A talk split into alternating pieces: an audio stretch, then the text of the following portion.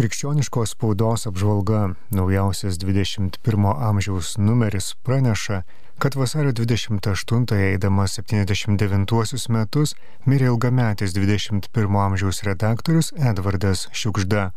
Jis gimė 1944 m. balandžio 17-ąją Žaliojoje Vilkaviškio rajone, keturis vaikus auginusioje vargonininko šeimoje. Kadangi tėtė dirbo skirtingose vietose - Vilkaviškyje, Žaliojoje, Pajavonyje, Alvite, Gražiškiuose, tai ir šeimai teko kilnotis iš vienos vietos į kitą, o Edvardas didžiąją vaikystės dalį praleido Pajavonyje, kur pirmuosius metus ir mokėsi. 1962 metais, baigęs Vilkaviškio Salomėjos Neries vidurinę mokyklą, įstojo į Kauno Politechnikos institutą, dirbo inžinieriumi Kauno radio montavimo mokslinėme tyrimo institute, radio Kauno skaičiavimo technikos remonto gamykloje, kartu dalyvavo tautinėje veikloje.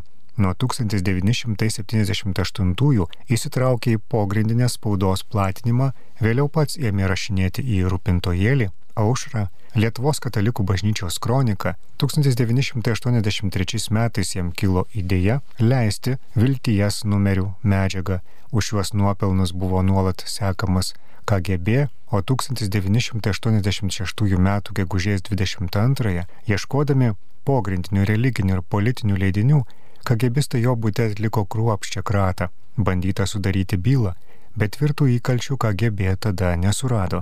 Nuo tolesnio KGB susidorojimo išgelbėjo atgimimas. Jis dirbo atsikūrusiame Vytauto didžiojo universitete, buvo Kauno sąjūdžio iniciatyvinės grupės ir tarybos narys, atkūrus Lietuvos nepriklausomybę, įstojo į Lietuvos krikščionių demokratų partiją, redagavo jos leidžiamą laikraštį apžvalga, kartu dirbo Briuselėje kaip Lietuvos krikščionių demokratų atstovas Baltijos kraštų informacinėme biure. Grįžęs į Lietuvą nuo 1992 pradėjo dirbti 21 amžiaus redaktoriumi, kurį laiką kartu būdamas ir apžvalgos redaktoriumi. Vėliau iki 2014 metų pabaigos redagavo tik 21 amžiaus laikraštį, jis buvo palaidotas Vilkaviškyje. 21 amžius praneša ir apie kitą netekti Vilniuje po ilgos ir sunkios lygos, eidamas 84 metus mirė fotomenininkas Algymantas Žežiūnas. 1956-1957 metais jis dalyvavo Kauno vėlinių įvykiuose, buvo keletą dienų įkalintas, tardomas, išėjus į laisvę, KGB priežiūros šleifas lydėjo jį per visą sovietmetį. Daugelis Lietuvos istorinių, literatūrinių, dokumentinių bei enciklopedinių leidinių iliustruoti ir Algymanto Žižiūno nuotraukomis.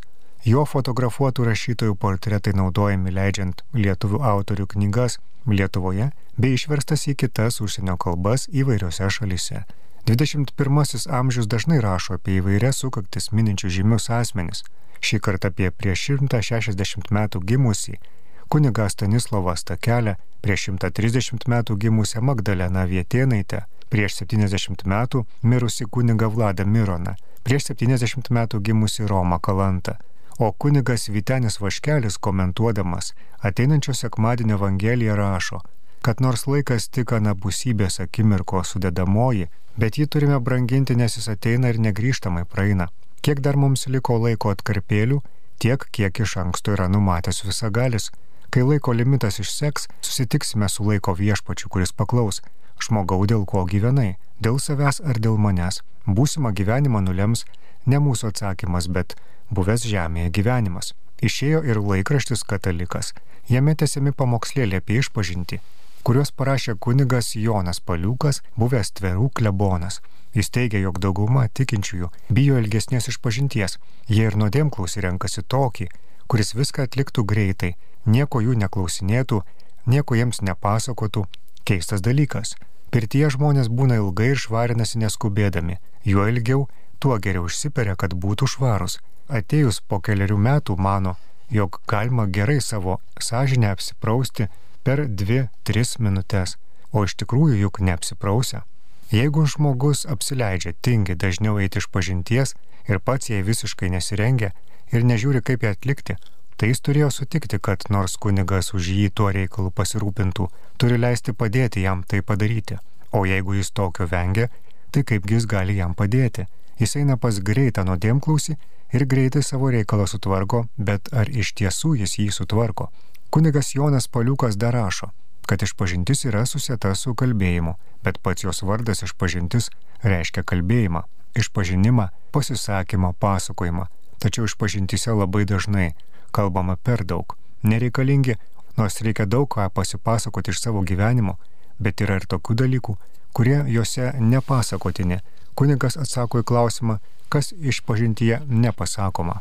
Ši informacija plačiau kiti įdomus straipsniai 21 amžiaus laikraštyje pasirodysiančiame rytoj.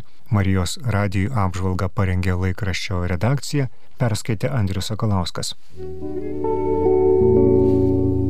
Kovo artuma, kopimas į kalną, gavėnios stebuklų ir sinodinėme kelyje. Gavėnios antrąjį sekmadienį girdime Evangelijos pasakojimą apie Jėzaus atsimainimą ant aukšto kalno, vieną įspūdingiausių Naujojo testamento akimirkų, o kovo artumos viršelis simboliškai vaizduoja būtent šią sceną. Ir pagrindinis leitmotyvas siejantis daugelį šio numerio temų - tai kopimas į aukštesnius ar mažesnius mūsų kalnus tam, kad pasiektume mums atsiveriantį stebuklą bei grožį.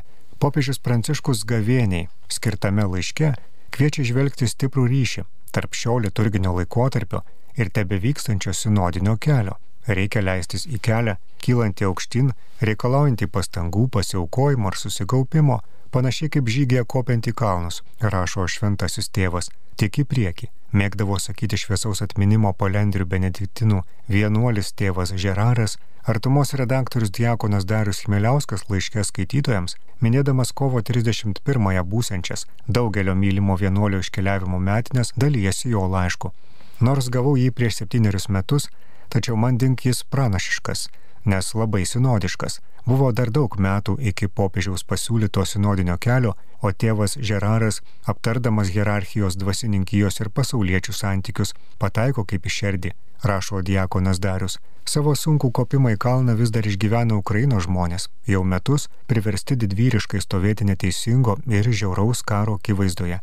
Artuma kviečia skaityti nuotolinio pokalbio ištraukas su nuncijumi arkivyskupu Ukrainoje Visvaldu Kulboku, dabar Bahmute, Soledare vyksta labai nirtingi mūšiai. Neseniai karo kapelionas atsiuntė nuotrauką. Kariškiai jis padovanojo rožinį, kurio dalelį sulaikė skeveldrą. Medikai negalėjo paaiškinti, kodėl skeveldra sustojo ir neįėjo į kūną.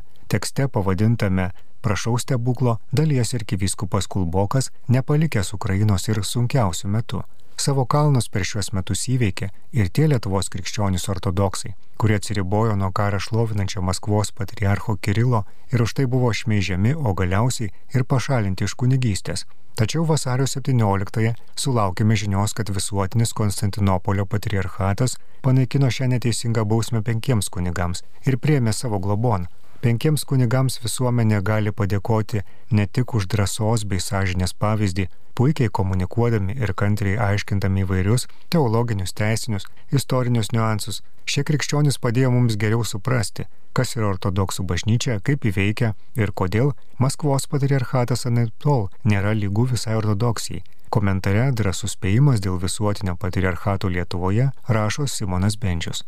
Kopti į kalną lengviau, kai nesi vienas. Karitas tai organizacija, kuri Lietuvoje pastaruosius 30 metų padeda žmonėms pakilti, kokią žymę karito atkūrimas nepriklausomybės pradžioje paliko tuo metiniam jaunimui, kaip veiklus gailestingumas plito ir kuo karitas gyva šiandien. Žinojame, Lietuva bus laisva, tačiau patiems tapti valstybės ir karito atgimimo liudininkais buvo didelis įvykis. Buvome jauni, bet aiškiai suvokėme, koks svarbus karito kvietimas - kilti ir kelti. Tuo laiku prisimena viena iš pašnekovių - Aušra Kelpšienė straipsnėje Karitas istoriją kurkime kartu.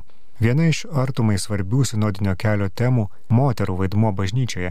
Šį kartą skaitykite komentarą daiktavardžiai, įvardžiai ir mes pačios, kurio autorė - Junktinė Amerikos valstijų lietuvė poetė, filosofijos mokslų daktarė Marija Stanku Saulaitė. Ji pasakoja apie lietuvio ausiai neįprastos, savo dvigubos pavarties istoriją ir kartais per daug vyrišką kalbos viešoje erdvėje vartojimą. Lietuvos laikraščiuose ir programuose tebe skaitau ir girdžiu tokių kuriozų, kai moteris apie savo profesiją ir save kalba vyriškąją giminę. Apie savo dukters požymius kalba vyriškosios giminės įvardžiais, būdvardžiais, diktavardžiais, pagalvojau, kaip jausčiausi gyvendama Lietuvoje, kur negimiau ir nesu gyvenusi, jei apie mane būtų kalbama vyriškosios giminės terminais arba mano brolis būtų buvęs kalbiškai svarbesnis už mane. Sinodinio kelio esmę aptarė artumos skaitytojams gerai pažįstamas čekų teologas, disidentas ir kunigas Tomašas Galikas, kuo svarbus bažnyčios atsinaujinimas ir kaip su tuo susijusi sinodinė kelionė. Tai jis apmasto vasario pradžioje į Europos žemynų sinodinę asamblėją Prahoje susirinkusiems dalyviams. Daugelį Europos šalių bažnyčios vienuolynai ir seminarijos yra tuščios arba pustuštės. Jėzus mums sako tą patį, ką ir išsekusiems žvėjams. Pabandykite dar kartą ir kitės į gelmę. Bandyti iš naujo - tai nekartoti senų klaidų. Reikia drąsos ir atkaklumo, norint palikti seklumą ir eiti į gelmę. Sako kunigas Halikas. Išsameu tekste, kodėl jūs bijote, argi neturite tikėjimo. Šios ir kitos temos kovo artumoje apžvalgą parengė redakcija, perskaitė Andrius Sakalauskas.